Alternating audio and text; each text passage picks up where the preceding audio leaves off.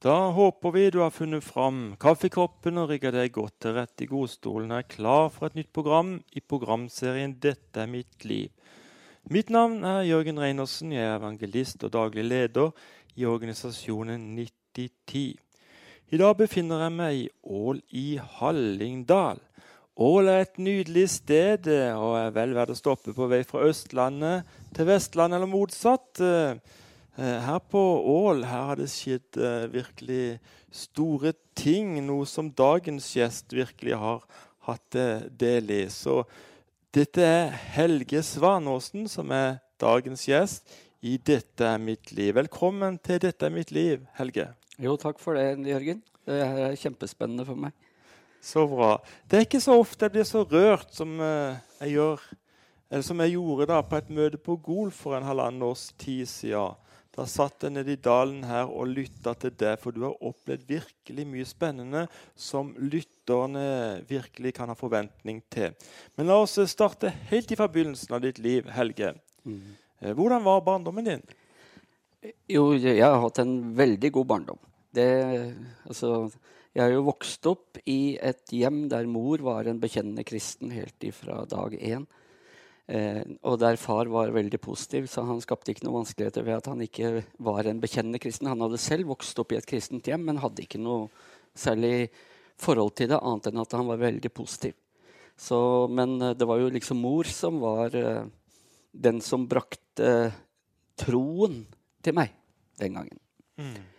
Og sånn var det i mange mange år. Jeg vokste opp i misjonssambandssammenheng. Og var, eh, har vært med i sånne barnegrupper der helt ifra jeg var gammel nok til det. Og vi hadde en flott uh, sånn barneklubb i Brumunddal hvor vi gjorde masse uh, morsomme ting. Og det er klart med det så fulgte det barneleirer og alt mulig som sikkert veldig mange kjenner seg igjen i. Jeg vet ikke riktig hvor aktivt det er med barneleirer og ungdomsleirer i dag i, i den sammenhengen, men men for meg så betydde disse her leirene veldig mye. Ikke minst sosialt. Altså jeg fikk mange kristne eh, venner gjennom det. Og ikke bare i Brumunddal, men på forskjellige steder. I Elverum og Kongsvinger og Glåmdalen og Hamar. Og, altså, du får et nettverk faktisk ifra du er relativt liten, med, eh, med barn som du på en måte kan relatere deg til. Så det har betydd veldig mye for meg. Så sambandet var en viktig del av mitt liv i disse åra. Ja. Hvor ble du født hen? Jeg, ble, jeg er født og oppvokst i Brumunddal. Dvs. Si at fødeklinikken var på Furnes, midt mellom Brumunddal og Hamar. Og, og, ellers har de 20 første åra av livet mitt de foregikk i Brumunddal. Det er en liten ja, Ikke en liten plass. Det er, er en, det er jo på en måte senteret i Ringsaker kommune, og Ringsaker kommune har vel 40 000 innbyggere. Så, så, det er en relativt stor plass, og det var et industristed. Så, og det var et veldig Det var et godt sted å vokse opp. Det var det. Vil du si at du hadde en radikal frelsesopplevelse? Eh, ja, det hadde jeg. Eh, Sjøl om jeg da hadde vært med i kristen sammenheng i ganske lang tid. Fordi det er noe med at du har barnetroa di, ikke sant? og den har du Eh, på mange måter fått etablert gjennom, en, uh, gjennom, foreldre, og særlig da mor i dette tilfellet. Så jeg var jo eh, med i styret i skolelaget på, på realskolen i Brumunddal. Ja. Og skulle på nyttårslederkonferanse. Og nyttårsaften i 1965 da var det en sang som møtte hjertet mitt. Eh, som eh, lyder 'Lev for Jesus', intet annet er det vei å kalles liv. Den smatt inn. Og jeg skjønte plutselig der at her, det, her, må jeg ta et standpunkt. Her må jeg bestemme meg for å leve for Jesus og gjøre han til herre i mitt liv. Så det er en merkestein i mitt liv. Mm. Så herlig. Når eh, vil du si du ble kalt til, til tjeneste i Guds rike? Nei, det lurer jeg på om jeg har vært hele tida. Ja. Eh, fordi at eh, Altså, jeg har jo aldri vært noen, det du vil kalle en fulltimer i, i Guds rike. Men jeg har vært en helhjerta kristen tror jeg, fra den nyttårsaften. Mer og mindre på, kan du si, sånn som en kanskje gjerne er i ungdommen. Men jeg tror jeg har vært en bevisst kristen helt fra starten. Og det er klart at jeg, altså når jeg nå vokste opp i Brumunddal, så hadde jeg jo en kjempefordel, og det var at det også var hjemstedet til Einar Lundby. Som eh, virkelig var en nøkkelperson i landet vårt på, på den tida. Og som jeg på en måte hadde rett utafor sluedøra. Og som var til ungdommens disposisjon. Var, han var jo en eldre mann. Men det var jo få i Brumunddal som kommuniserte med ungdom sånn som Einar kunne. Og han Altså, om han snakka om Alf Prøysen, eller om han snakka om sin, eh, hvordan Gud leda han fordi at eh, i hvert fall de av lytterne som har hørt navnet Einar Lundby, så vet de det at det som var det unike ved han, det var måten Gud leda han på. Ned til de minste detaljer i livet hans. Og det har jeg virkelig lyst til å komme tilbake til. Absolutt. Fordi det har vært så skjellsettende for meg sjøl. Mm. Ja. ja, bare fortell. Ja, Nei, så i, uh, i, denne her tida her altså Du sier 'når kom jeg inn, inn, i tjenesten'? Jeg har på en måte følt at jeg har vært i ledelsen. Mm. Jeg vet ikke hvor mye jeg har vært i tjenesten, men jeg har vært i ledelsen. Mm. Og, og, det har vært en nøkkel for meg. Og det er klart at det tror jeg Einar på mange måter har et stort den en veldig stor påvirkning på. Fordi For han så var det så naturlig å leve i en nærhet med, med Gud og med Jesus og Den hellige ånd. Eh, ikke sant? Sånn at, eh, så livet hans besto jo i å bli leda. Samtidig som han var noe av det mest alminnelige du kunne møte på. Så, eh, så det, det, gjorde ikke han til noen sånn høytflyvende, rare greier. Men det gjorde han til en jordnær, men samtidig en som virkelig bar Guds rike med seg. Når han ja, møtte meg, når jeg eh, sleit med ting i, i, ungdommen, sånn som ungdom ofte sliter med, så kunne jeg gå til Einar, og så kunne han på en måte i all sin vennlighet og i, i all sin kjærlighet så kunne han veilede meg som en ungdom og på en måte bevare meg på stien. Eller på veien, eller hva vi skal, nå skal si. Så eh, jeg husker eh, en gang jeg kom til ham. Da hadde han tatt bussen opp i en plass som heter Nybygda. Eh, for de sportsinteresserte eh, og som er eh, litt oppi åra, så vet jeg at Ole Ellefsæter, en av våre beste femmilsløpere, annet, han kom fra Nybygda. Så Einar hadde tatt, den, tatt bussen opp i Nybygda. Og så hadde han med seg blåbærspannet, og jeg tror ikke han hadde noen bærplukker. Og så hadde han gått fra Nybygda og hjem igjen, og det, var, det er ganske langt. Og så sier han det, 'Helge, vet du hva jeg har gjort i dag?' 'Nei, Einar, sier jeg, det vet jeg jo ikke. Jeg har ikke vært sammen med deg.' Han sier at 'jeg tok bussen opp i Nybygda i Haugesand, og så gikk jeg skauen' via Høstbjørn ned til Brumunddal og plukke blåbær sammen med Gud. Sånn. Det bør du gjøre òg, mm. ja. Og det, akkurat den lille kommentaren der, det bør du gjøre òg, den har brent seg fast. Mm. Og jeg vet jo, jeg, jeg kom til en han, en formiddag. og så, Dette her var Da var, kunne jeg ikke være mer enn 16-17 år. Så, så sier han Helge, det er én ting som gjør meg så fortvila. Og det er at folk syns jeg er så spesiell fordi jeg hører hva Gud sier til meg. Vet du hva? Det er jeg som er normal. Sånn. Det er jeg som er normal. Ja. Og, og det er noen sånne eh, kommentarer og med den overbevisningen og, og, den kjærligheten som han hadde i det, var ikke noen fordømmelse fordi at jeg, jeg ikke var der. Ikke Men det var en slags sånn veiledning. Helge, det der, der, det er noe du bør gå etter. Det her er noe du bør søke. Fordi du har en som ønsker å prate med deg. Og vet du hva? Er det noe jeg har erfart gjennom dette livet mitt, så er det det er det han ønsker. Han ønsker å prate med oss. Og han bryr seg om hver minste detalj i livet vårt. Jørgen. Vi tenker som så at han, han, er mest opptatt av ordet sitt. Vet du hva? Han er mer opptatt av å prate med deg Og dele ordet med ditt hjerte, sånn at ditt hjerte kan få det lys. Så det ser hvilke håp det er kalt til. Og det er Gud opptatt av. Og det gjør han gjennom å, å, på en måte lede oss i de minste detaljer og prate med oss om de mest trivielle ting. Det er ingenting han ikke bryr seg om. Han er helt utrolig, spør du meg. Nei, fantastisk. Ja, Helge, det sitter og tenker litt på hvordan starta din eh, pastortjeneste på Ål her i Hallingdal? Eh, ja, den, eh, den starta jo Altså, vi kom hit i 1977. Da var jeg ferdig på Diakonhjemmet. Og hadde, vi hadde sett at det var en stilling ledig på Ål, og Ål hadde jeg en god relasjon med, for jeg er glad i å fiske i ferskvann og i elver.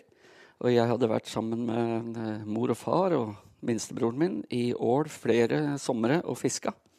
Så jeg hadde en veldig god opplevelse av Ål.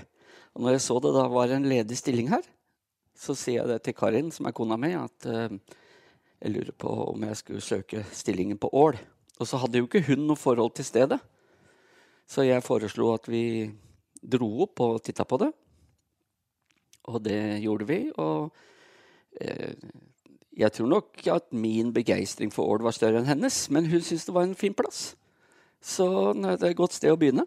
kan du si. Så jeg valgte å søke jobb her, og fikk jobb i kommunen. Så jeg kom jo ikke hit for å være pastor. Akkurat.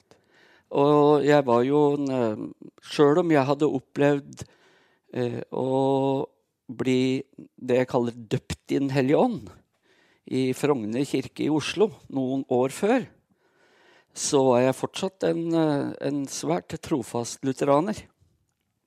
Så for både Karin og meg så var det veldig naturlig å gå inn i kirka, eh, altså den lutherske kirke på Ål, og bli en del av det arbeidet de hadde, både blant barn og unge. Og for så vidt også voksne. Jeg var jo diakon, ikke sant? så jeg kom hit. Og, og jeg trodde jo at når jeg begynte på diakonhjemmet, at jeg skulle bli diakon. Men det eh, ble det på en måte aldri noe av i sånn formell eh, sammenheng. Men jeg tror jo at vi er diakoner noen enhver. Jeg har utdanning som det, men jeg har aldri fungert som det i, i verken i, i, kirka eller i noen andre sammenhenger. Så, eh, men at Gud kalte meg til å ta den utdanninga, det vet jeg jo. For jeg hadde tenkt at jeg skulle eh, begynne på fysioterapien i Berlin. Så jeg hadde kommet inn der og hadde bestemt meg for å bli fysioterapeut. Og så vekker Gud meg en natt i, i, mens jeg er i militæret. Og så sier han veldig klokkeklart til meg Helge, jeg vil du skal bli diakon. Og da hadde, da hadde jeg behov for å prate litt med Einar Lundby igjen. Fordi at uh, det var en veldig fremmed tankegang for meg. Så ble vi enige om at både han og jeg skulle søke Herren på det. Om det var han som hadde prata, eller om det var noen annen, annen som hadde sådd inn noen tanker. Og etter en, en liten stund så var jeg overbevist, og Einar var overbevist. Eh, liksom. Men det var viktig for han at jeg ble det. At ikke han overbeviste meg, men at det var, det var mitt hjerte. For det var jeg som skulle på en måte bære eh, diakonien videre. Han skulle ikke det. Han var bare en veileder for meg. da. Men vi var enige. Det der, der eh, var nok Herren. Og så, ja. så Derfor så er jeg diakon men har aldri fungert som det sånn formelt sett. Men vi begynte i kirka og hadde det kjempefint der. Eh, og eh, jeg har et veldig godt forhold til kirka fortsatt, sjøl om det er ting som jeg på en måte sliter med nå. Men det, en, det kaller meg mer til bønn enn det kaller meg til fordømmelse. kan du si. Det en, og det er jeg veldig glad for. Der har Gud vært veldig tydelig. Så det kan vi godt snakke litt om litt senere i programmet. Mm. Men eh, så skjedde det at Gud en, eh, en, eh, en januardag i, i, i, i, 1980 Så uh, kalte han meg og sa til Helge Jeg vil at du skal gjøre noe helt annet. Og det kommer ikke til å være i kirka, sier han. Og jeg syntes det var tøft. Jeg syntes det var veldig vanskelig. Og, men sa OK, hvis det er, er, det du har, så er jeg villig til det. Og så eh, sa han det at eh, vær så snill, sett deg på gjerdet og vent. Og eh, Jørgen, det er en eh, kjempeutfordring. Når du har stått midt oppi noe og vært glad i det du står oppi, og så ber Gud deg plutselig om å sette deg på gjerdet og bare vente. Altså, én ting er å være kaldt. En annen ting er å la han som kaller deg, få lov til å lede deg. Fordi det er så lett å på en måte ta tak i kallet, og så tar du resten sjøl. Men han som kaller deg, han som på å si, utvelger deg, han vil fortsatt være den som leder deg. Og akkurat det blir veldig smertefullt da. For hadde han enda fortalt meg hva jeg skulle gjøre, så kunne jeg på en måte bare ha satt i gang. Men det eneste eh, som eh, jeg fikk en mulighet for, det var å sette meg på gjerdet og vente. Og jeg visste ikke hva jeg venta på engang. Heldigvis så, eh, så var Karin forberedt på dette her. Gud hadde talt til hennes hjerte noe før. Så hun på en måte mm, tok det.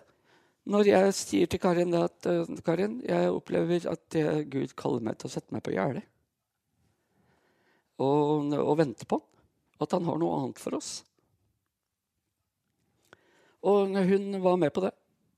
Og det betydde jo da at vi eh, måtte si fra oss et arbeid i, i ungdomssammenheng. Jeg sa fra meg et engasjement i et sånt familieopplegg som vi hadde i kirka. Hun sa fra seg søndagsskolearbeid. Altså, det var masse ting som fikk konsekvenser.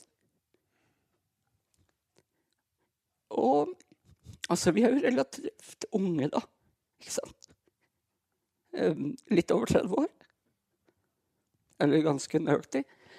Og eh, da Du vet ikke riktig hvordan du skal gjøre det. Ikke sant? Så det er klart at det var mange som ble forvirra og ble såra av det vi gjorde. Og det har noe med at vi kanskje jeg tror ikke vi fordømte noen. Det, det tror jeg ikke. Um, men jeg tror ikke vi greide å forklare helt hvorfor vi gjorde det vi gjorde. Så det, det skapte forvirring hos noen. Og kanskje mange. Jeg vet ikke hvor mange det er. Men eh, vi har hatt en uh, episode på det senere som jeg har lyst til å komme tilbake til, fordi det er, på en måte har noe med forsoning å gjøre. Og det, og det tror jeg er kjempeviktig. Men det var veldig smertefullt.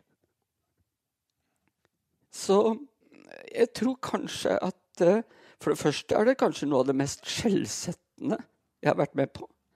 Men samtidig er det også noe av det mest utfordrende. Foreldrene mine skjønte ingenting. De var jo involvert i, den, i kirka. Far var blitt frelst for uh, når jeg var 18 år, og var veldig glad i kirka si. Uh, og det var jeg òg. Og han skjønte jo ikke bæra når jeg da kom og sa det at uh, Far, nå har Karin og jeg vi har satt oss på gjerdet. Nå vi, har vi trukket oss ut av alt kirkelig arbeid på Ål. Og mm, han skjønte ingenting. Så det, det Altså, jeg har hatt noen smertefulle opplevelser før det. Men det er noe av det mest smertefulle jeg har vært gjennom. Det er å skulle trekke meg ut av noen som jeg var glad i, eh, men som Gud kalte meg og, og da Jeg husker Einar en gang sa, sa til meg, Helge, eh, du må være klar over det, at Gud han kaller deg aldri fra noe. Han kaller deg til noe. Mm. Uh, og jeg hadde ikke behov for å forlate kirka pga. at det var noe jeg ikke likte der. Men Gud sa det. Du skal gjøre det likevel. Mm. Og det som var utfordringen min, det er at jeg visste ikke riktig hva han kalte meg til. Velkommen tilbake til programmet 'Dette er mitt liv'. Jeg har besøk av Helge Svanåsen i 'Dette er mitt liv'. Er sjøl på besøk oppe på Ål i Hallingdal. Sitter her i Kilden menighet, et gammelt kulturhus, er det ikke det? Jo, ja. det er det, det, er det opprinnelige kulturhuset i bygda som vi sitter i nå. Ja. Som uh, vi da fikk uh, Vi leide det fra 1995 til 2010. Det er en morsom historie som jeg har lyst til å komme tilbake til. Og så fikk vi kjøpt det i 2010. Ja. Men eh, du fortalte før den musikalske pausen om at eh, eh dere kjente dere leder til å gå ut av det arbeidet dere står i, og så ble dere satt på gjerdet. Du må fortelle vei, veien videre. Ja, for som jeg sa i stad, så var det veldig smertefullt. Vi var relativt unge. Og det er klart at eh, noe av det vi gjorde den gangen, skulle vi gjerne ha sett var annerledes. I hvert fall så burde vi ha forklart mer av eh, det Gud kalte oss til. Sjøl om vi visste ikke riktig hva han kalte oss til, så, så skjønte vi jo at han kalte oss eh, til å på en måte sette oss ned og vente på han. Og det, som jeg også nevnte litt i sted, så, så, er det klart at det var mange som da følte seg støtt av det. De, jeg tror noen følte seg at de ikke var gode nok. Og at, vi, at, de ikke var bra nok kristne, og at, at, det arbeidet som de drev med, ikke var bra nok. Altså, det var så masse sånne dårlige følelser som kom inn, som ikke vi greide å møte. Eh, fordi vi holdt på å si, hadde ikke vett på det. Eh, og vi skjønte ikke at det skapte sånne vibber hos folk.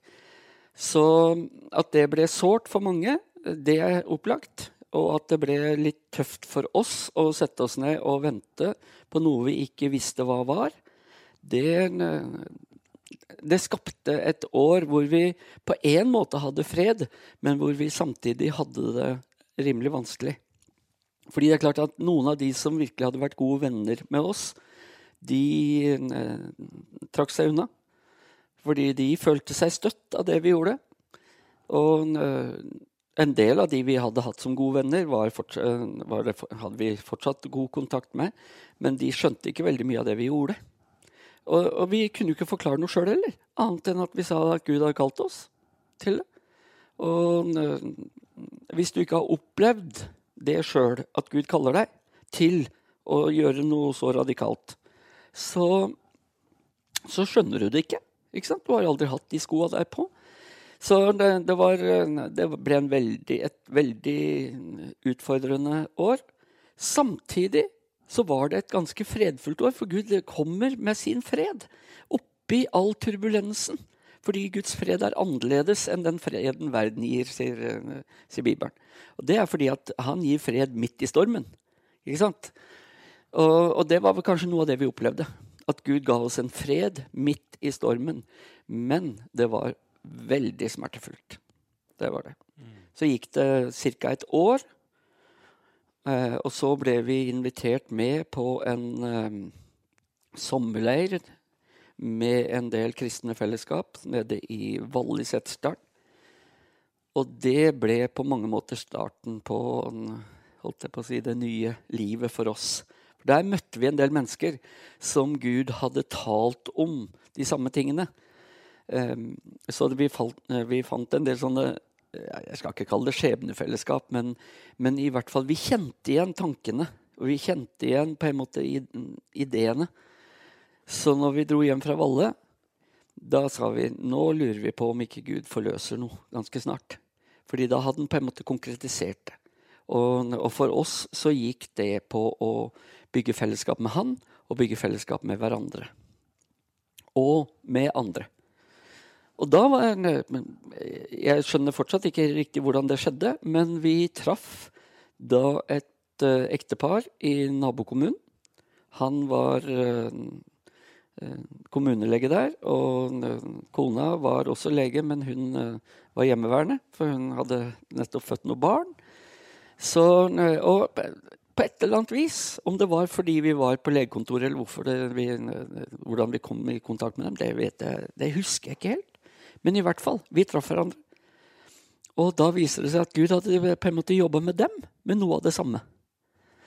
Så vi bestemte oss for å møtes og hadde en husfellesskap, som vi kalte det den gangen. To familier i starten. Og så kom det en tredje familie, og en fjerde familie, og en femte familie og en sjette familie. Og plutselig så var vi en, en 25-30 voksne med barn, så vi var en skikkelig eh, flokk. Og eh, hadde det veldig eh, OK. Men så kom det et altså da, vi, da, var vi et husfellesskap, ikke sant. Og vi, eh, og vi på en måte hadde det veldig fint sammen. Men så var det nok noen, og meg sjøl inklusive, og Karin, som, som, kjente på det at uh, kanskje vi burde på en måte være litt mer synlige. Altså Vi burde, uh, burde bli synlige med det vi egentlig var, nemlig faktisk at vi fungerte som en menighet. Så jeg, eh, jeg, tok ikke opp det fordi at det kom opp først og fremst i mitt eget hjerte, men jeg, jeg, tok det opp fordi at det kom opp i noen andres hjerter. At vi, kanskje vi burde gjøre noe mer med det. Altså det, det kom opp behovet for at noen trengte å døpe seg. Eh, det kom opp et behov for å gifte seg. Det kom opp et behov for å på en måte si at det her, er min menighet, dette er her jeg tilhører. Og at den eh, på en måte kunne bli tydelig på det.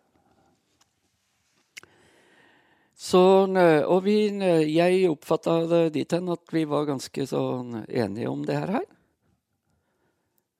Og eh, Så vi på en måte Vi samles hele gjengen. Og da er det noen som tydeligvis har vært veldig utrygge. Som ikke hadde kommunisert det på forhånd, for så vidt. Men som eh, var veldig usikre fordi at de sjøl da sto i en sammenheng, men hadde hatt veldig stor glede og, og nytte av fellesskapet. Og som nok helst så at det fortsatte som et fellesskap. Eh, på denne tida her så hadde vi allerede eh, en god del kontakt med England. Som, eh, der også var en, på en måte en bevegelse, en sånn fellesskapsbevegelse. Og vi var blitt en del av en fellesskapsbevegelse i, i Norge også. Der du hadde eh, fellesskap i, kristent fellesskap i Stavanger, eller i Sandnes, egentlig. I Haugesund, på Gjøvik, i Oslo og på Hamar. Så det, vi var ganske mange på den tida, og vi hadde hatt noen fellesskapssamlinger. Blant annet her i Ål på Baketeigen, hvor vi var en 250 stykker. Så vi hadde hatt en god del sånne samlinger. Og de fleste av de andre fellesskapene var på en måte menigheter. Mens vi var eh, fortsatt ikke noen menighet, så folk hadde på en måte sin menighet andre steder. De som hadde det. Uh, veldig mange hadde ikke noen relasjon til noe særlig andre, var bare fellesskapet. Så, men de da som eh, på en måte var usikre på det her, de hadde da eh, fått med seg Eh, en til denne her Viken, som vi ikke var helt forberedt på. Og som er en sterk kristen leder. Det er helt uinteressant hvem det er. Men uh, det endte opp med at istedenfor å etablere menighet den helga, så ble hele fellesskapet løst opp den helga. Og det ble en Altså, det ble et lite sjokk for meg. For jeg trodde at vi hadde, var på vei til noe. Da kan du si at uh, enten har jeg vært naiv, eller så er det i hvert fall noe jeg har oversett i det her. Men eh, samtidig så ser en jo det at eh, Gud tillater ting for å få sin vei med oss. Så eh, vi reiste hjem igjen fra den helga. Og opplevde at vi plutselig var mer og mindre aleine med familien vår. Og det var kjempetøft. Og så på morgenen på mandag så får jeg en telefon. Og det er eh, fra England, fra en som heter John Noble, som var en veldig sentral leder borte i England på den tida. Og, og, var på en måte en av uh, ja, de sentrale i fellesskapsbevegelsen som, eh, som, foregikk der borte, og som også hadde innflytelse inn i den fellesskapsbevegelsen som var her. Så han var vel kjent av alle disse fellesskapene som vi, som vi var. Og, men hadde ikke, jeg hadde ikke hatt kontakt med John Noble på over et år. Så ringer han meg da denne mandagsmorgenen, og så sier han at Helge, hvordan har du det? Og jeg greide ikke å svare den. Jeg bare knakk i gråt i, i telefonen og sier John, vi eh, dro på Viken på fredag og trodde vi skulle etablere menighet, og vi kommer hjem uten noe som helst. Fellesskapet er borte, og menigheten er ikke der. Så vi sitter igjen her aleine. Og så blir det stille i telefonen, og så sier det Helge jeg trenger dagen på å rydde kalenderen min, men jeg kan love deg, vi er i Ål så fort det er mulig. Og han hadde en skikkelig kalender han måtte rydde i.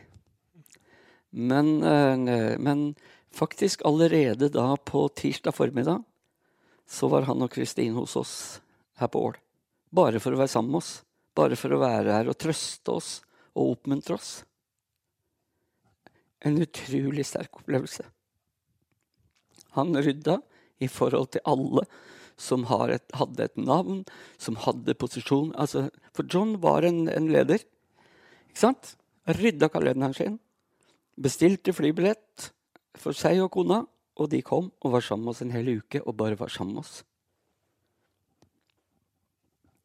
Jeg, ja, det var sterkt for meg, kan jeg love deg. Så når John og Kristin dro igjen da en uke senere, så var det akkurat som en far reiste fra meg. Ja. Fordi på mange måter så ble John i det han på en måte de, de grep han tok der, så viste han meg noe av den omsorgen som Gud i himmelen har for meg. Og at han var villig til å reise fra England, betale flybilletten, betale alt det det kosta. Han krevde meg ikke, ba meg ikke om noe. Ikke og han fikk ikke noe heller. Nei. Men han, han, ble en far på mange måter. Så det, ble, det var en veldig sterk opplevelse. Og så går det tre-fire måneder. Tre måneder etter det så er uh, Ken Wright en, eh, en, kjent størrelse i ungdom i oppdragssammenheng på, på 80-tallet. En newzealender som, en, uh, som også er en, på en måte en sånn profet og en farsfigur. Og uh, han, vi, han er på sjømannskirka hos Hans Jakob Frøen og har en møtehelg. Og Karin og jeg vi reiser inn. Og der, midt under preika si, så, så, stopper han eh, opp. Og så peker han på meg. Og så, og så ber han meg om å reise meg, og så, så profeterer han over livet mitt, det som hadde skjedd. Det gir den foregående den, Ja, for en tre-fire måneder siden. Og, og, sa det at du har ingen grunn til å bekymre deg. Gud er med deg. Gud vil lede deg videre. Og du må bare bli i Han. Og det Altså, Einar sa Helge, du bør plukke blåbær med Gud og prate med han. Ikke sant? Og så kommer Ken Wright inn, og så sier han 'bli i han'. Og bli i han. Og det betyr ikke i han som sto og preika, men i Gud. Og det har brent seg fast. Fordi det tror jeg Jørgen bevarte hjertet mitt den gangen. Så jeg, jeg kjente jeg var fri da, etter den uh, helga. Men det var helt skjellsettende for livet mitt når han sier det. 'Bli i meg'. Ja, Det er Johannes 5, dette her. ikke sant? 'Bli i meg'. Og han sto han, han pekte han profeterte det over. 'Bli i han', 'bli i han'. Og det har vært en kjempenøkkel for, eh, for livet mitt. Fantastisk. Men nå sitter vi jo her da i Gammel Kulturhuset. Ting har skjedd. Menighet ble det. Menighet ble det. Det gjorde det. Og, og det sakte, men sikkert. Og det er jo en egen historie, for å si det sånn. Men det, det skjedde relativt fort etter det her. Eh, og vi, vi starta jo med igjen å ha menigheten i hjemmet vårt den eh, første eh, tida. Hadde, hadde masse gjester. Altså, det er, har vært det forunderlige opp gjennom tida. Men Gud sa det. Helge, jeg skal sørge for at eh, du får all den maten du trenger. Og han har sendt oss folk fra hele, hele jordkloden, altså oppi den vesle kløfta i fjellet her oppe i Hallingdal. Så har han på en måte sett oss, og han har, han har sendt oss. Så vi hadde, hadde masse eh, folk på besøk hjemme hos oss. hadde husmøter da den første tida. Men så, i 1987, da eh, var vi enige om at nå er det på tide å komme ut av huset. Og da, det starta vi med å ha en, eh, en sommerkonferanse på Skattebøl skole. Det er en barneskole på Ål. For hadde, på den tida hadde vi ikke noe menighetshus sjøl, så vi leide Skattebøl skole. Og det ble en veldig flott uh, sommerkonferanse. Vi, jeg husker ikke hvor mange vi døpte, men vi døpte relativt mange um, på den uh, konferansen. Og det ble et veldig sånn, flott sånn startpunkt for um, uh, å være menighet. Så hadde vi noen få møter på Hallingdal hotell. og der kom det med et par som hadde en um, kjellerleilighet Eh, så fikk vi, Og den var det en veldig stor stue i. sånn at eh, da tok vi rett og slett og innreda det til et menighetslokale. Så var vi der i et par års tid. Før vi opplevde at eh, Gud sa at dere må se dere om etter noe annet. Og da flytta vi inn i et annet menighetsbygg, eller et annet lokale, midt i sentrum av Ål. Og vi hadde ikke vært lenge der før det kom en profet fra Skottland. Um, en som heter um, Jones, eller sånt, tror jeg. Len, var Len Jones eller et eller annet sånt. Og han sier det eh, under en av uh, prekene sine at dere må se dere om et, et annet lokale. Fordi det her kommer ikke å være stort nok for dere. Og jeg så meg rundt, og jeg sa det. Far, her er det god plass fortsatt. Så hvis dette her er deg, så eh, da kommer du eh, tilbake med saken. Så jeg slapp av.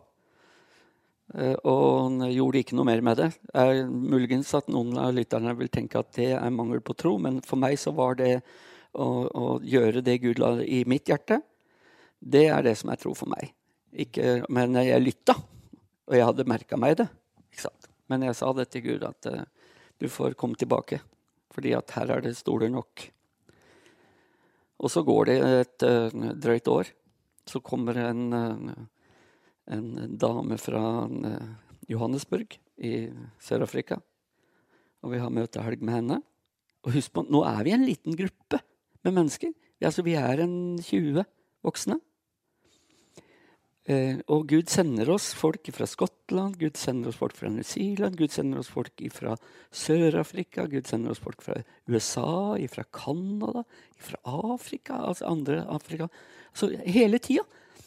Det er akkurat som man sender ravnene sine med mat til oss. altså. Ikke sant? Fordi det er ingen av de folka her vi kjenner. Men de kommer til oss via eh, eh enten ting de hadde hørt, eller at de var på besøk hos noen som kjente oss, og som tenkte som så at ja, kanskje de ville ha glede av det. Altså, Gud demonstrerte en kjempeomsorg for oss på den tida. Så kommer da denne her eh, personen fra Sør-Afrika. Og også ut av det blå så sier hun at eh, dere må se dere om et, et nytt lokale, for det her kommer ikke til å bli stort nok for dere. Og jeg sier det til Gud igjen. Du ser det er mer enn nok stoler her. Så hvis dette her er deg, da kommer du den tredje gang. Og så er vi eh, Et par år senere så er vi på den første Catch the Fire-konferansen i Norge. Og eh, der er det en par av altså Blant annet Mark Dupont var der. En av disse her eh, profetene fra Canada og den begynnende vekkelsen der. Og en annen jeg husker ikke om det var Larry Jones eller hva han heter. for et eller annet. Men i hvert fall, under preika si så, så stopper Mark DuPont, og så sier han det at um, det er én i salen der som har fått beskjed om å se som et, et nytt menighetslokale. Nå er tida der. Og da sa jeg det til Herren at OK, nå er det greit. Nå, jeg, nå drar jeg hjem igjen. og skal jeg se etter et minneslokale. Da syns jeg jeg hadde fått nok. Så det eh, gjorde jeg. Og jeg så meg om etter eh, lokale, og fant et lokale som, jeg, eh, som var omtrent uh, dobbelt så stort som det vi hadde. Og syntes at det var, det var, midt i sentrum, og det var et kjempeålreit lokale. Så ringer jeg til eieren av huset og spør om vi får leie det. Og han blir stille i telefonen, og så sier han ja, men hva har du tenkt å bruke det til? da. Nei, jeg skal ha møter der, sier jeg. Du vet, vi holder til i Ål motebygget. Og så sier han Du, det er ikke stort nok for deg, sier han. Jo da, jeg. Det er mer enn stort nok for meg. Det er dobbelt så stort som det vi har, og vi har fortsatt ledige stoler i det vi har. Så dette er mer enn stort nok for meg. Nei, sier han. Det er ikke stort nok for deg. Og du vet, det her er en, en fyr som ikke, ikke tror jeg, han trødde ned dørene i kirka. Og ikke i noen frimenighet eller noe sånt. Så, men du vet jo, Gud bruker den han vil. Så jeg sier det at um, ja, har du noe annet da, Sigurd? For jeg kjente fyren. ikke sant? Så, han, så vi kjente til hverandre. Ja, sa han, det har jeg. Ja, hva er det, da? sier jeg. Hei, du kan få leie Sundrehall, sier han. Så det er dette kulturhuset her. Mm. Og um, når han uh, sier det, så jeg holder jo på dette kontorstolen min oppe på døveskolen, hvor jeg jobba da, og sa det at ja, det kommer an på pris. Ja, sa han, men jeg skal kalle sammen, jeg kaller sammen styret, og så inviterer vi deg, sier han. Så tar vi en prat rundt det. Ja, sa jeg, det er flott. Og jeg hører ingenting. Dette her er i midten av april i 1995. Uh, og så i slutten av april så har uh, håndballgruppa Pål en svær sånn håndballcup for unger. Og jeg hadde et par barn som var med der, og Sigurd, som da satt i ledelsen for dette huset her, han, han hadde et par unger. Så vi møttes i gangen der. Og så, så sier han der Vi skulle vel prate sammen, vi, Helge, sier han. Ja, sier jeg, vi skulle det, Sigurd. Ja, jeg tar kontakt, jeg, sier han. Ja, det er flott. Og jeg uh, vi gjennomfører håndballcupen, og jeg hører ingenting fra han Sigurd. Og så kommer jeg til 16. Eh, mai på morgenen, jeg er på kontoret mitt, og så sier plutselig Gud Helge, nå kan du ringe Sigurd. Og jeg gjør det, og sier til Sigurd at du, skjer det noe i forhold til sentral? Ja da, sa han. Vi har hatt styremøte, vi, og vi har bestemt oss for at dere skal ha det. Ja, Sigurd, men det er fortsatt spørsmål om pris. Ja, men Helge, jeg har laga til et forslag til leiekontrakt. Kan jeg ikke fakse over den? Det var på den tida vi faksa, ikke maila. ikke sant? Og så sier jeg jo, gjør det. Og jeg går til faksen, og der kommer han inn. Og jeg begynner å lese den. Og knekker i gråt ved faksmaskina. Så sier jeg til Gud takk skal du ha for at jeg har sluppet å være med på disse forhandlingene her. For så frekk hadde jeg ikke vært at jeg hadde kommet opp med det, disse forslagene som de nå kommer med. Så da får vi, Jørgen, et hus som er seks ganger så stort som det vi hadde, til 1000 kroner mindre per måned. Og vi, vi får på en måte hovedhuset, kulturhuset i bygda, det som hadde vært kulturhus fram til da, men, men nå hadde Ål kommune bygd et nytt kulturhus.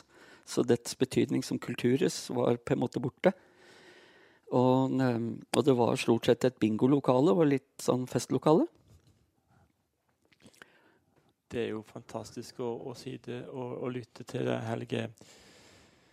Og, og, Dette er jo et Guds mirakel du rett og slett forteller her. og Dette her eh, lokalet her har jo virkelig blitt brukt til, vekkelse i årene som kommer. Og dette må vi bare komme tilbake til. For kjære lytter, eh, eh vi håper at det er litt spesielt for deg som det er for meg å sitte her og lytte til Helge Svanåsen. Så vi skal ha et program til med Helge. Så det kommer altså en del to.